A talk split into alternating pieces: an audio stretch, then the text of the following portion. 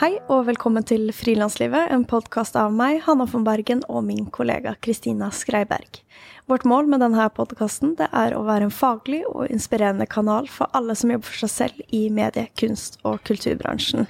For en uke siden var livet egentlig helt vanlig. Vi fulgte med på det drøye som skjedde med koronaviruset der borte i Kina, i Italia, i Iran. Men plutselig befant vi oss i samme situasjon, og i løpet av to dager gikk vi fra vårt vante hverdagsliv til fullstendig lockdown. Alle kulturarrangementer er eh, avlyst. Barer er stengt, skoler og barnehager er stengt, folk hamstrer mat på butikkene, og mange har opplevd at store deler av inntekten fremover har forsvunnet over natta. I denne episoden snakker Hanna og jeg om hvordan vi opplever det som nå skjer, om tiden fremover, og hvordan vi som frilansere er påvirket og forholder oss til situasjonen. Vi spilte inn deler av denne episoden på søndag 15. mars, og resten nå i kveld, tirsdag 17. mars. Rett og slett fordi situasjonen endrer seg hele tiden. Hvis du oppdager at vi sier noe to ganger, eller gjentar ting, så kan det være grunnen. At vi syns det var så bra å ha det med, og at vi ikke ville ta bort liksom hele klippet. Eh, så bare bear with us, vi har gjort så godt vi kan. Hanna er en mester i klipping, og ja, vi håper episoden kan være til glede og by på fellesskapsfølelse. Episoden publiseres sammen med en annen episode hvor vi intervjuer jurist Espen Eldøy fra fagorganisasjonen Creo om situasjonen som skjer, og hvilke rettigheter man har som frilanser. Men denne episoden her er først og fremst et lite hei, et medmenneskelig hei fra Hanna og meg. Hallo. Du Hanna, hvordan har uken din vært? Um, ja. Eller hvordan har du det? Jeg syns at denne uken, sikkert som alle andre, har vært eh, ekstremt spesiell.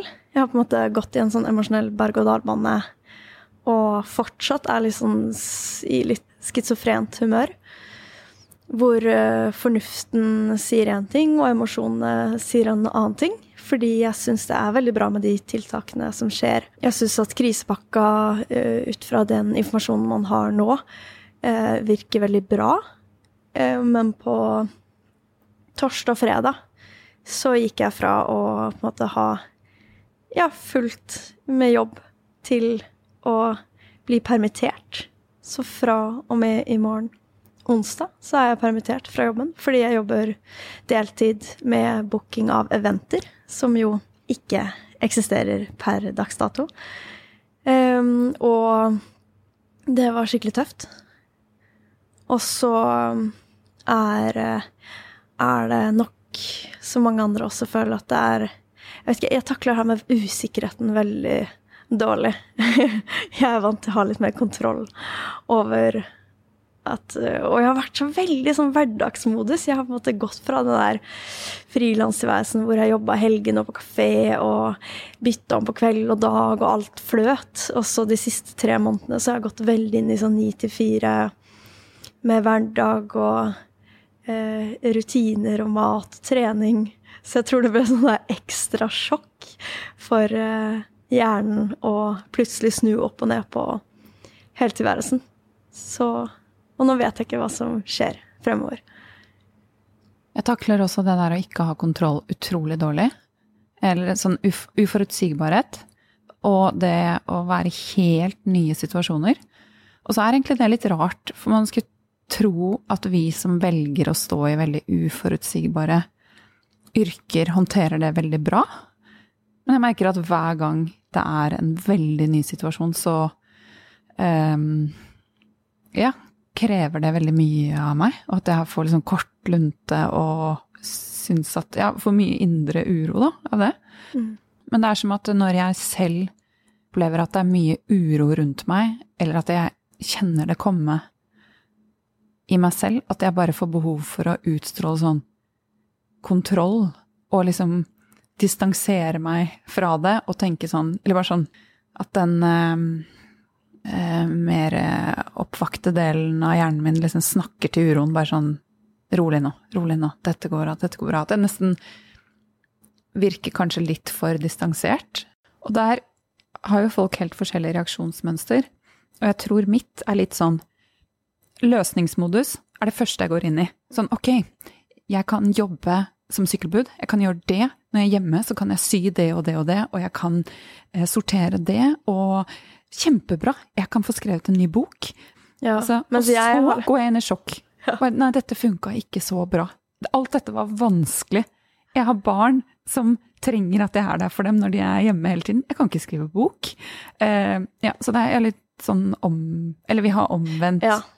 Eh, Reaksjon. reaksjonsevne. Ja. Ja. Fordi jeg har gått litt inn i sånn her Å, fuck, det her er krise. Og det første jeg gjorde, når jeg visste at jeg fikk eh, varsel om permittering, da tenkte jeg sånn at nå sitter jeg med en halv, halv lønn, eh, som dekker kanskje halvparten av de faste utgiftene mine. Og eh, var ekstremt glad for at jeg har en bufferkonto. Sånn vilt glad for det. Eh, Men det første jeg gjorde, var å si opp trening.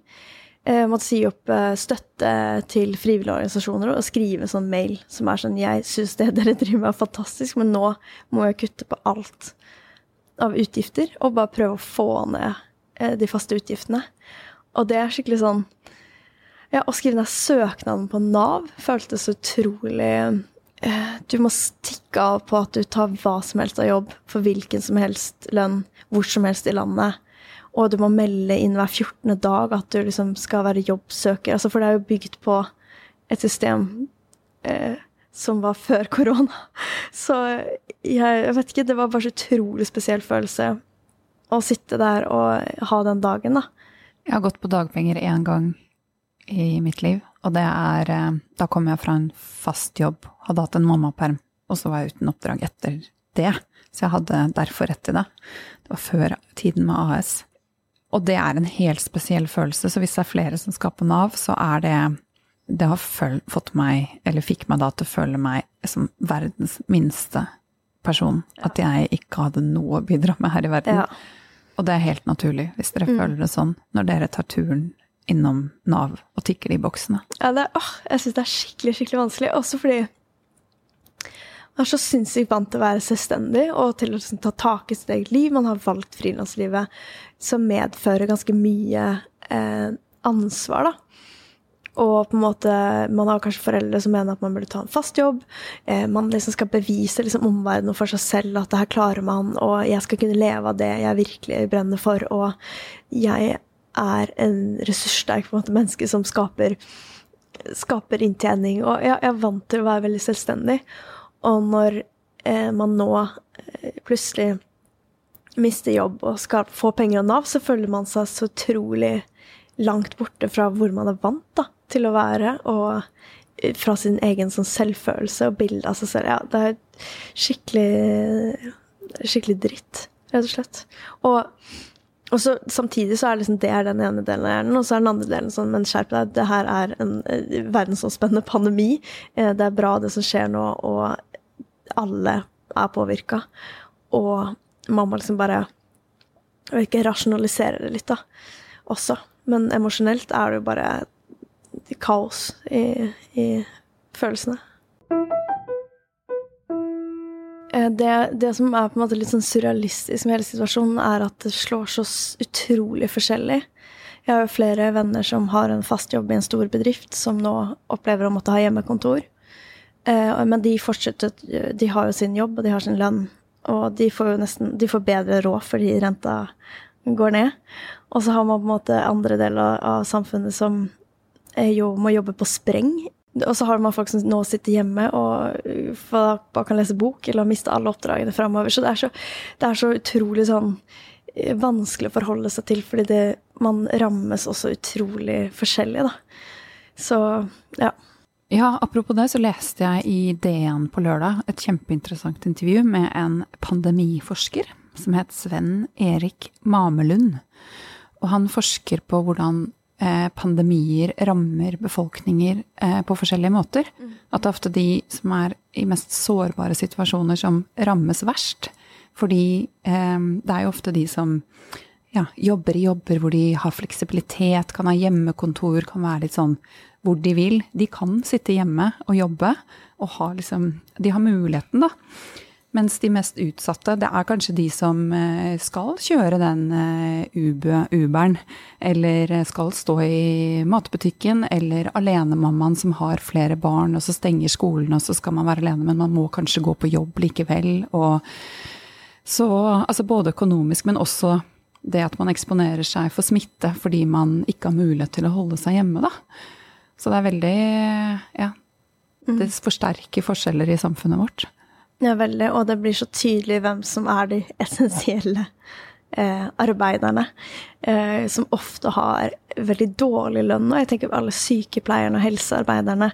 At de, de på en måte er helt essensielle eh, for at samfunnet skal fungere. Og de får jo ofte veldig dårlig lønn sammenlignet med andre yrkesgrupper. Ja. Så det er det noe av denne liksom, pandemien kan lære oss, og håper jeg det er å bedre rettigheter til helsepersonell.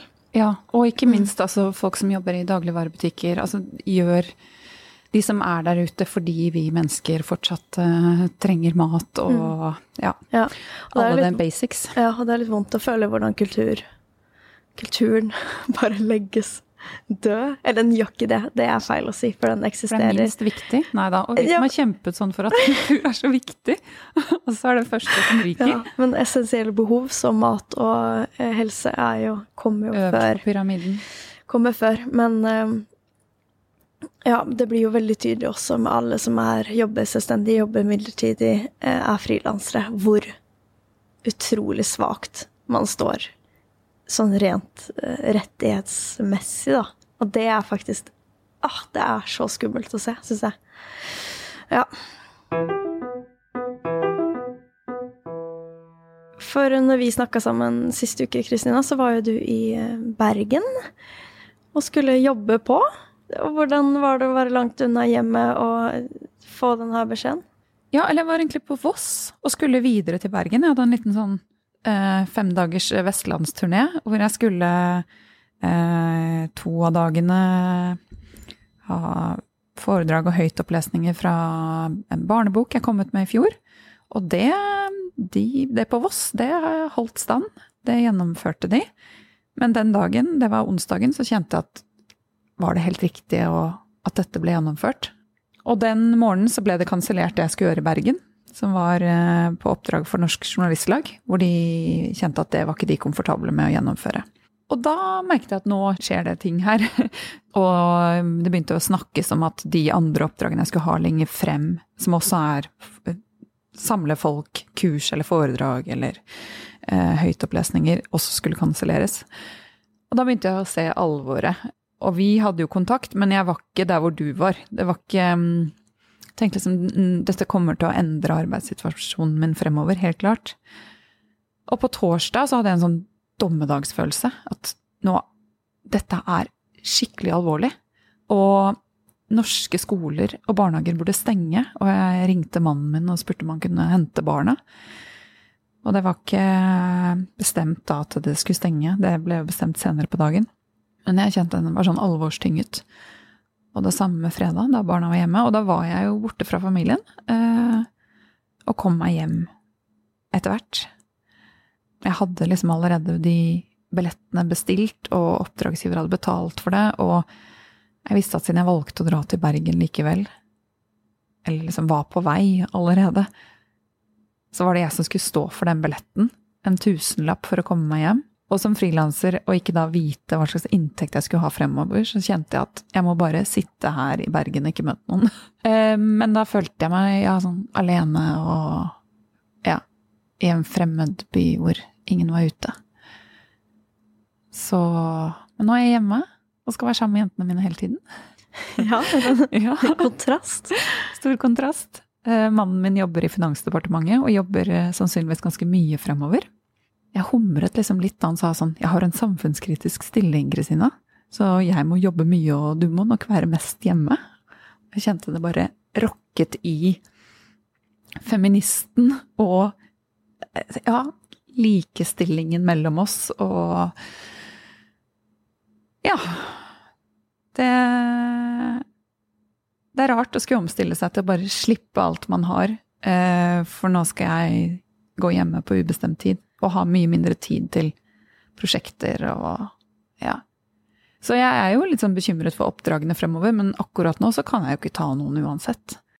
Men det jeg kjenner eh, i en sånn situasjon, er jo hvor eh, mye man lurer på. At man Hvis jeg skal gå hjemme med barn som ikke har eh, skal på skole og i barnehagen, eh, betyr det at jeg har eh, ulønnede dager frem til sommeren? Eller ja, sånn rettigheter rundt permittering, det har jeg jo mulighet til å gjøre i 8% grad fordi jeg har AS. Men det er så utrolig mye sånne ting man har lurt på. Det ser jeg jo at alle andre også har lurt på. At man går i litt sånn Hvordan skal jeg forsørge meg og familien eh, fremover? Og at det har vært utrolig mye uvisshet. Og har vært en sånn flom av eh, innlegg på Facebook, og altså selvfølgelig nyheter også, men vi er jo med i veldig mange forskjellige grupper på Facebook eh, med, for folk som jobber for seg selv og innenfor kunst og kultur osv. Og, så videre, og journalistikk og foto. Det har vært overload av eh, spørsmål og informasjon og reaksjoner som jeg har bare måttet distansere meg eh, fra. Men samtidig så går jeg og lurer på det samme. Og jeg er bare så utrolig glad for at vi bor i dette samfunnet vi gjør, og at regjeringen har kommet med eh, løsning etter løsning og krisepakke etter krisepakke og at mye av den uroen jeg kjente på for bare noen dager siden, er eh, så godt som løst, da. Selv om jeg ikke helt vet hvordan, hvordan søker jeg det og det på Nav, og funker det fra den og den dagen, og hvis jeg er såpass mye permittert fremfor ja, bla, bla, bla. Men det tenker jeg, det, det, det ordner seg sannsynligvis. Det ordner seg i hvert fall eh, mye i en mye større grad enn det, enn man trodde for... det gjorde for noen dager siden. Ja. Det er ikke rart om man går inn i et sånn modus når man plutselig kanskje ikke var klar over at det er med at man egentlig ikke har rett på dagpenger. Og så går man inn og bare OK, men eh, hva har jeg for rett etter? Og så er det sånn Å ja, det er null, det er null kroner, og absolutt alt. Folk har jo mista på en måte eh, to tredjedeler av årsinntekten fordi det er nå de her månedene hvor det skjer utrolig mye lave arrangement hvis du er, eh, jobber med det. Så man går jo inn i, i sånn Jeg må få kontroll over en ukontrollerbar situasjon. Og derav eh, blir det veldig mye Det er veldig vanskelig å på en måte sette seg ned med en kopp te og se på en Netflix og tenke at Å ha litt is i magen. Selv om jo det er jo egentlig det eh, man bare må ha. Fordi ting uh, Det tar litt tid, da. Og mye skjer jo dag til dag. Men takk og lov for at vi lever i et velferdssamfunn. Yes. Oh, yes. Og dette her er jo en verdensomspennende pandemi som slår ut i altså kanskje etter hvert eh, overalt. Og hvor utrolig eh, heldige vi er som er såpass godt ivaretatt. Det sitter kanskje en og annen lytter der ute som og jeg håper ikke det, da, men som har falt mellom alle stoler for regjeringen har jo virkelig kommet med eh, ja, løsninger for eh, Jeg håper alle. Så jeg håper ikke det sitter noen der og fortsatt er helt eh, fortvila. Men sånn som det ser ut nå, så er vi rimelig godt ivaretatt, og det er så utrolig bra å kjenne på.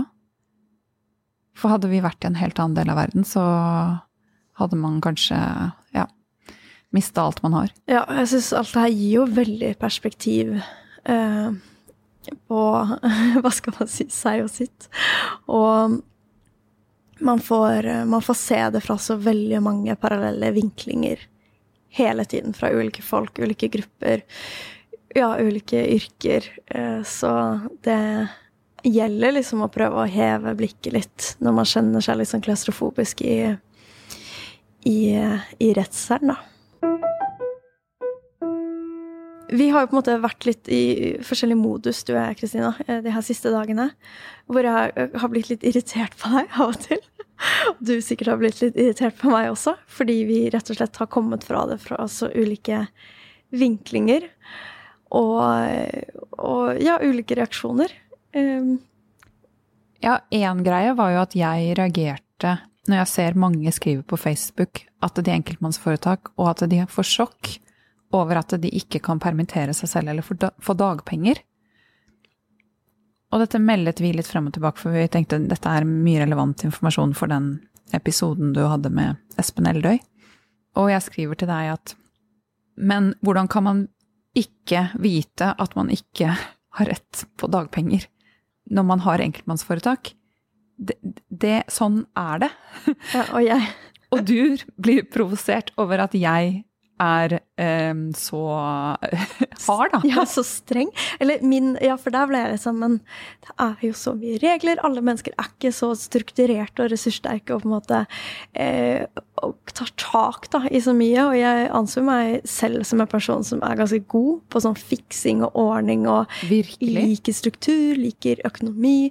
Men jeg ble helt sjokkert, for jeg visste ikke det her. Og jeg har vel aldri sett for meg et sånt scenario heller. Jeg tror det er det. For meg så har jeg sett for meg man kan bli syk. Oi, så bra at uh, sykepengegrunnlaget er gått opp til 8 Det klarer man seg på. Eh, man burde vurdere forsikringer. Etter hvert kanskje man skal ha et AS. Men for meg har jeg aldri, jeg aldri sett for meg å plutselig havne i en såpass sårbar situasjon som jeg nå har gjort. da. Eh, fordi det en pandemi og det å miste alle jobben eller at det ikke Jeg har alltid tenkt at jeg finner vel en deltidsjobb, gjør ulike prosjekter, om ikke alt er så bra betalt, så er ikke det så farlig. Men når alt på en måte har forsvunnet samtidig, i litt sånn uviss lengde, da, så, så ble jeg, følte jeg meg så veldig støtt av den der kommentaren. Uh. Ja, og når jeg er hun strenge, så kan det jo virke som at jeg liksom driter i folk. Altså sånn du, du kan eh, Ja, du får ordne deg sjæl. Du burde ha visst, du burde ha eh, og, og, det er virkelig ikke. Jeg har virkelig medfølelse for folk som sitter nå og er i en veldig vanskelig situasjon. Og jeg håper det går bra med dere som lytter. virkelig. Eh, skriv gjerne til oss hvis dere trenger eh, noen, en hånd å holde i. En digital hånd. En digital hånd. Eh, for vi er her, vi også. Ehm, men det jeg selv, da eh, Jeg etablerte AS da jeg fikk mitt andre barn. Og det handlet om at jeg hadde for mange sånn eh, krisescenariotanker i hodet mitt. Mm. Og jeg visste da at jeg ikke kunne få dagpenger eller permit, kunne permittere meg. Og jeg visste også, da var det vel bare 65% sykepenger på den tiden. Ja. Um, og da begynte jeg å tenke på sånne ting som at hva hvis jeg får uh, kreft eller får alt mulig annet og ligger syk i to år, eller det skjer noe alvorlig med mm. barna våre, og vi skal bo på sykehus og jeg må slippe alt jeg har i hendene mine. Mm. Eller hva hvis IS kommer og liksom invaderer hele Norge? Eller altså alt mulig. Eller hva hvis vi får en verdensomspennende pandemi? Tenk, men det tenkte du ikke på? Ikke pandemien, Nei, men alt mulig annet. Virkelig ikke. Men jeg Sånn som vi har gode venner som har tre barn, og ett av barna deres som eh, knapt Altså hun er eh, to og et halvt år, og hun har hatt leukemi i to år. Så de, den familien har bodd på sykehus og vært isolert i flere år. Og jeg har tenkt sånn Hva hvis ja. det skjer meg? Ja. Så jeg bare syns det er så utrolig viktig at vi Altså, med unntak av kanskje foreldrene våre, så er det ingen andre enn oss som kommer til å ta det ansvaret og skape et sånn grunnlag, sånn at man har en viss eh, trygghet i bunn. Og det er null poeng å ha et AS hvis man ikke har eh, økonomisk forutsigbarhet i det AS-et. Mm. Så hvis man tjener lite penger, så får du nesten ingenting. Nei, hvis du skal ta dagpenger ja. med det utgangspunktet. Mm. Så AS-et, det er jo litt sånn Vi har et valg å etablere enkel AS. Det har jo blitt gjort veldig lett å etablere AS. Det koster liksom 30 000 i egenkapital, og det, byråk altså det, byråkratiske eller papirarbeidet er mye lettere. Mm. Og de kan Mens, du bruke også de 30 000 etter du har investert i firma, så får du på en måte bruke absolutt, det fra firmaet. Bruke det på en ny laptop. Mm. Men eh, AS er jo tross alt for Eller best eh, det, Ja, best for de som har løpende oppdrag og jevn økonomi og kan gi seg selv en jevn lønn. Mm. For kan du ikke det, hvis du ikke har gitt deg selv lønn på tre måneder, så får du jo ikke dagpenger, for det er jo det det beregnes fra, eller sykepenger. Så det er verdt å huske på. Så det jeg bare tenker er viktig, er at man selv er orientert om hva man har valgt. Jeg er utrolig takknemlig for at jeg har sminka og spart en bufferkonto. Nei, penger, Kristina, penger. Ja, men vi, det her har vi snakka om veldig mye. At det er jo liksom tragisk at alt kommer ned til penger. Og vi vet jo at det finnes utrolig mange frilansere der ute som, som eh, rett og slett har, har liksom akkurat råd til sine faste kostnader og mat, og ikke lever et liv hvor eh, Og har den inntekten for å sikre seg, da, på alle mulige måter. Men man blir jo Det er jo det som er så kjipt. Man blir så utrolig sårbar når man har dårlig råd. Så blir en sånn her situasjon ekstremt vanskelig. Man blir utrolig sårbar.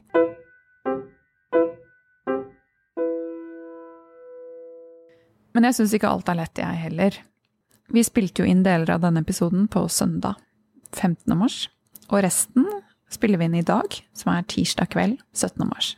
Og vi har spilt inn i to bolker, rett og slett fordi situasjonen har endret seg hele tiden. Vi snakket om ting eh, på søndag som eh, virket eldgammelt i dag. Og det er mye som er krevende med denne situasjonen, og for å vise at ikke jeg bare tenke på alt som er kult, så legger vi inn et lite klipp fra søndagens samtale.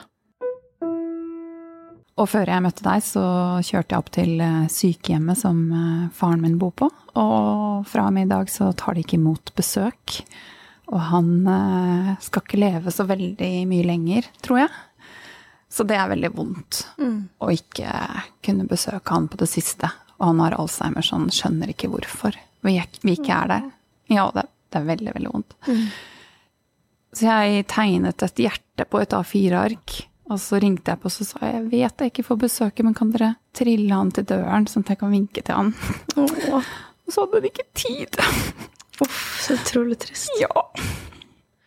Så det er sånne ting jeg har tenkt på da, at jeg igjen, hvis, Det er sånn jeg har tenkt at hvis jeg blir smittet, så kan jeg ikke se han. Hva hvis han forsvinner og jeg ikke får sett han?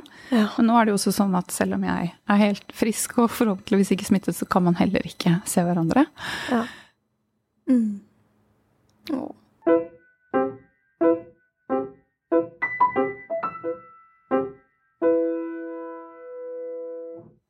For jeg tenker at det kanskje vi også får jeg litt behov for, da, de gangene jeg er i den løsningsorienterte modusen, er å tenke liksom hvordan kan man best håndtere det når kaoset har eh, roet seg bitte litt, og man eh, kanskje ikke akkurat når du lytter i dag, så klarer du å tenke sånn Ok, hvordan skal jeg løse tiden fremover?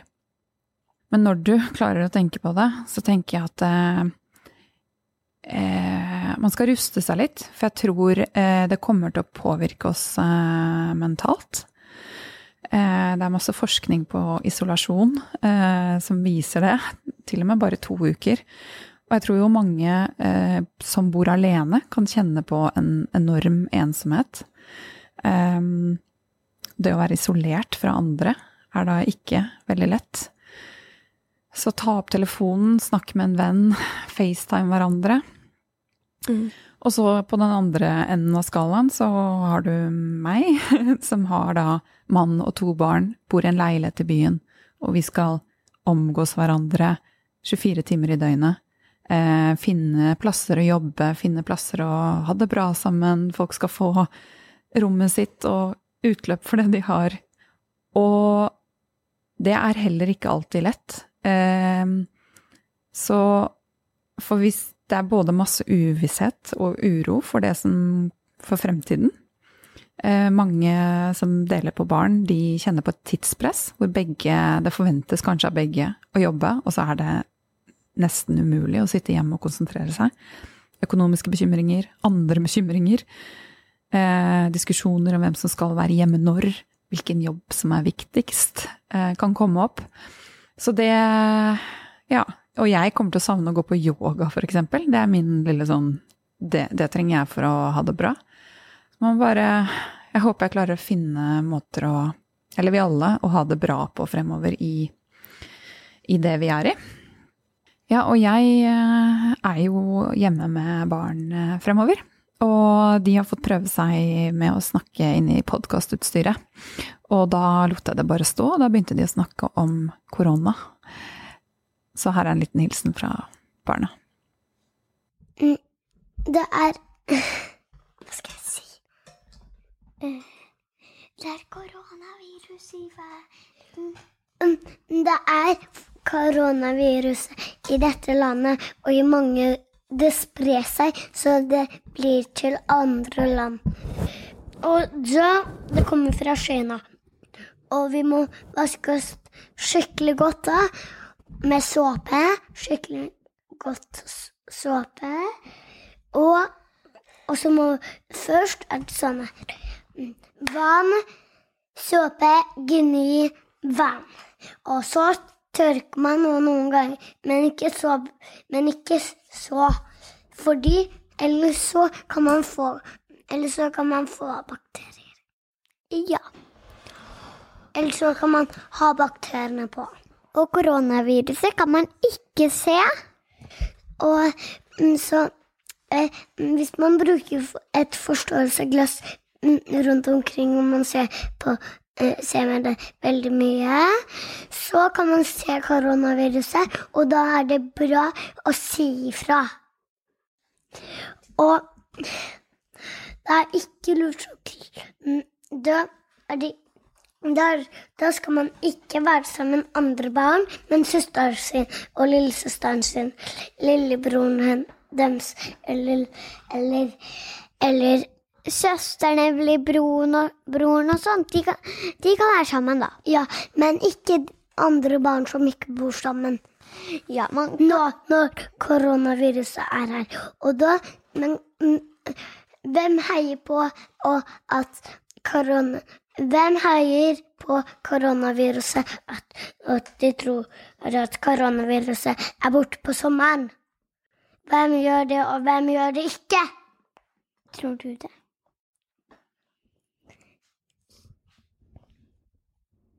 Rekk opp hånda. Alle rekker opp hånda.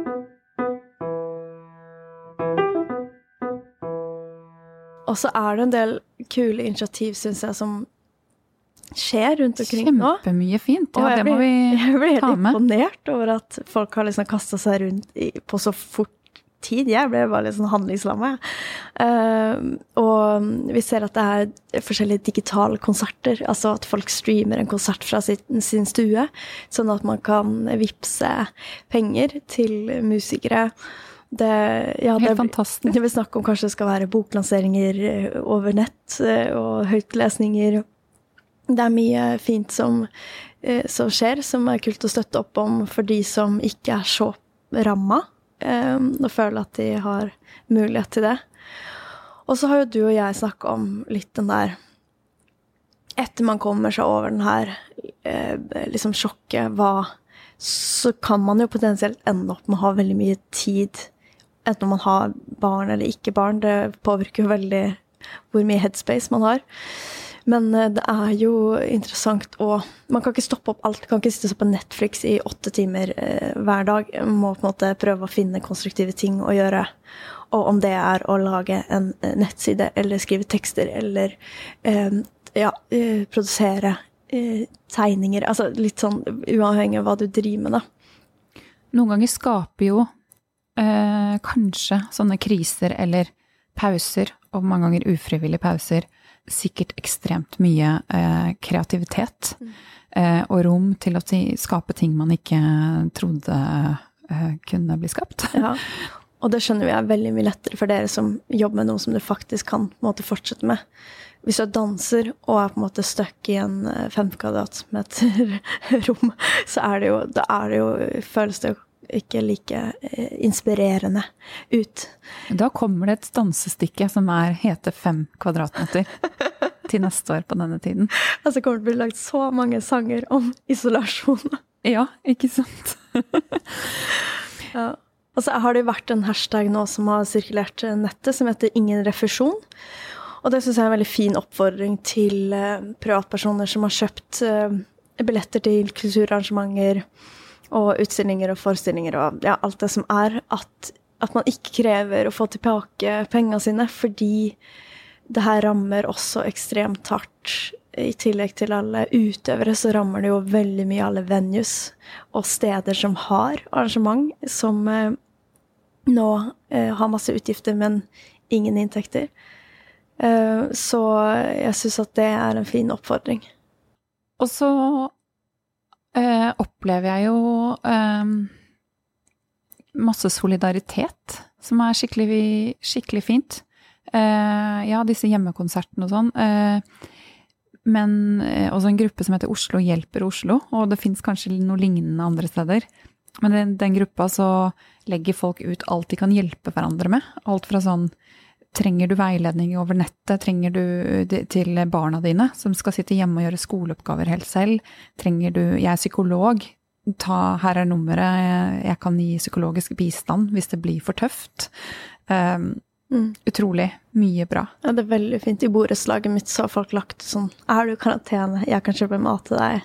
Hos meg også. Uh, ja. Det blir man glad av. Ja. Mm. Men Kristina, hvordan ser det ut nå? Hvordan tar du på en måte fatt i dagene som kommer? Nå har jo liksom det verste sjokket eh, lagt seg. Folk eh, har på en måte fått vite man, man, vet litt mer om hva man kan få av økonomi, i hvert fall eh, i store linjene. Men hvordan legger du opp måte, hverdagen? Du har to barn hjemme, mannen din har en samfunnskritisk jobb. Du må være veldig mye hjemme. og hvordan ser det ut på frilansfronten for deg, og bare hjemmebane med struktur? Altså, jeg prøver å akseptere at jeg ikke Altså at de fleste av de prosjektene jeg ville gjøre fremover, bare skal utsettes. Og at det ikke blir året jeg gjør de kuleste tingene. Bortsett fra frilanslivet, da. Det syns jeg er en kjempekul ting. Og skal holde, der skal vi holde koken. Så det er litt som å gå i mammaperm. At man bare nå er blikket vendt innover, og det er barna som gjelder. Og hvis jeg får gjort noe annet, så er det en bonus. Sånn blir det nok for meg. Og hvor lenge det varer, det aner vi jo ikke. Så jeg prøver å lene meg tilbake i uvissheten. Og eh, ja akseptere det uviss og ta det som en god utfordring. Og samtidig prøve å tenke at eh, jeg skal eh, ha det Altså gjøre veldig fine ting med barna. Det er jo Tid med barna mine er jo noe jeg kan snu til noe kjempefint. Så turer i skogen og ja, kreative prosjekter hjemme og Men vi skal jo være veldig mye sammen, da. Eh, hvis det fortsetter sånn at man skal holde seg hjemme, eh, hele familien. Så det er prøve å gi hverandre rom og skape noen rammer hjemme. Eh, ha litt sånn fast frokosttider, lunsjtider, komme seg ut en tur hver dag. Mm. Men så aner jeg jo Jeg aner egentlig ingenting, jeg. Det er bare dag for dag. ja. Det høres ut som ja. en veldig fin fremgangsmåte. Men det er utrolig mye jeg hadde lyst til å gjøre det her året, altså. Så det er eh, Det har vært litt sånn åh, å skulle gi slipp på en del ting. Eh, og så går de jo sannsynligvis ikke fra meg. Men som foreldre så er det mange sånne perioder hvor de barna er syke i flere uker, eller det, det første møtet med det er jo egentlig eh, permisjonen. Hvor man setter seg selv til side og er med barna sine. Mm. Så det, det, er bare å gå inn i den modusen igjen, for min del, som ikke får jobbet noe særlig. Så Nei. Det er jo det, det er en veldig ja. spesiell uh, situasjon. Og ja, da, når man har barn hjemme, så kan jeg tenke meg at det er ikke bare bare å skulle ha liksom fokus og sette seg ned og få tid til noe så mye annet. Podkasten i, i gang, for det gjør jo vi, men å gjøre ting utover det For, for min del er, er, det utopisk. Jeg har hatt mange perioder hvor jeg har vært hjemme med syke barn og jobbet hver eneste kveld, men jeg har blitt så utrolig sliten av å ha det sånn. Så der går grensen for meg, i hvert fall nå. Men jeg vet det er mange som sikkert lytter og har det sånn, er hjemme med barn og, og går eh, på skift med de der hjemme, og den ene kommer hjem, og da går den andre og setter seg og jobber. Og jeg har vært der. Mm. Og det går jo i perioder. Man skal bare ha litt selvinnsikt på hvor lenge man faktisk kan holde det gående. Ja. Og ivareta seg selv litt. Ja. Det handler ikke om meg, nå handler det om å redde verden og forhåpentligvis redde en del av miljøet vårt, klimaet, samtidig. Mm. Ja, det er jo i hvert fall en veldig positiv effekt som kommer ut av alt det her, er jo klimabedring. Ja. Ja, man kan jo håpe at det kanskje leder til en form for holdningsendring og eh, ja, måte å leve på.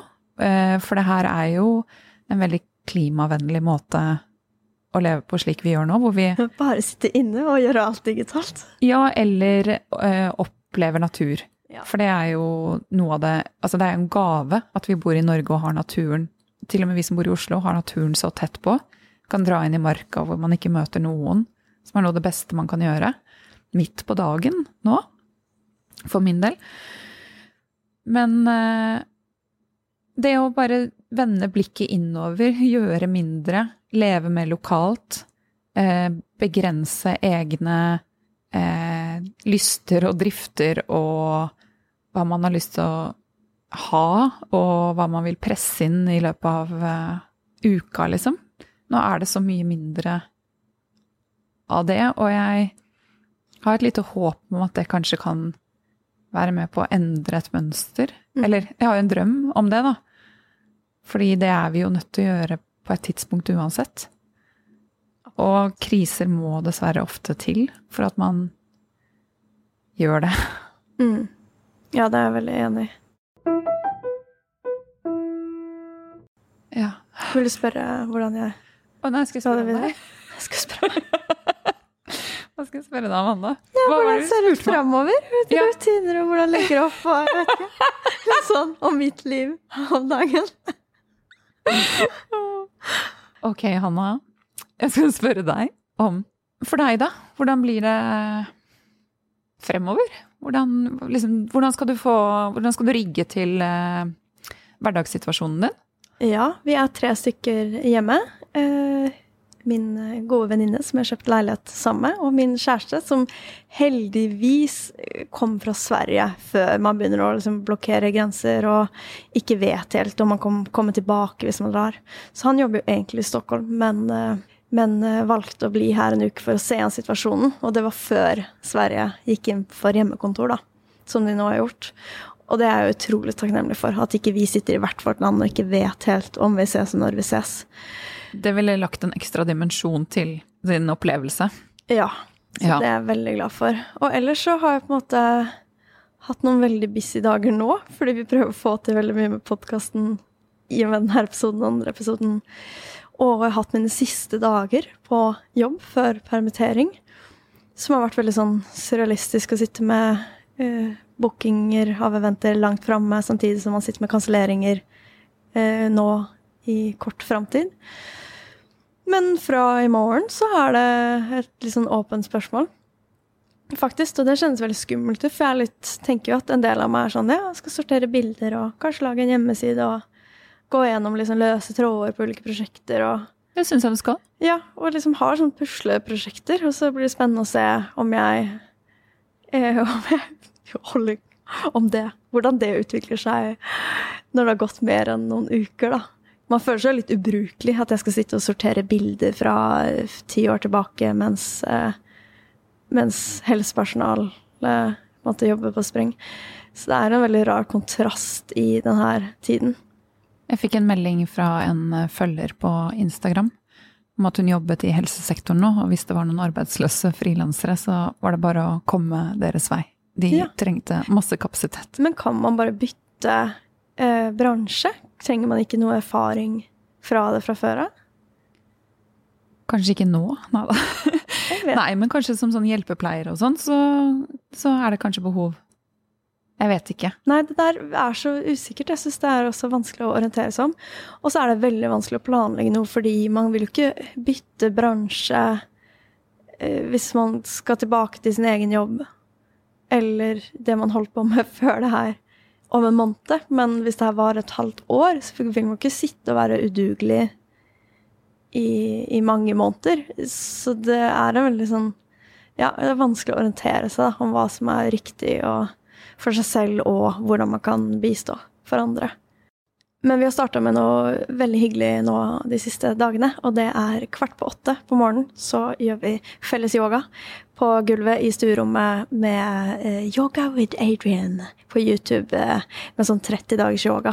Eh, jeg har hørt om Adrian. Ja, det og jeg sitter og måper, for jeg har så lyst til å være med. Ja, og det er veldig Og det er så fint, fordi det gir en litt sånn hold, holdepunkt og hverdagsrutine, og man får beveget seg, og ikke bare eh, på en måte hengt over dataen hele dagen. da.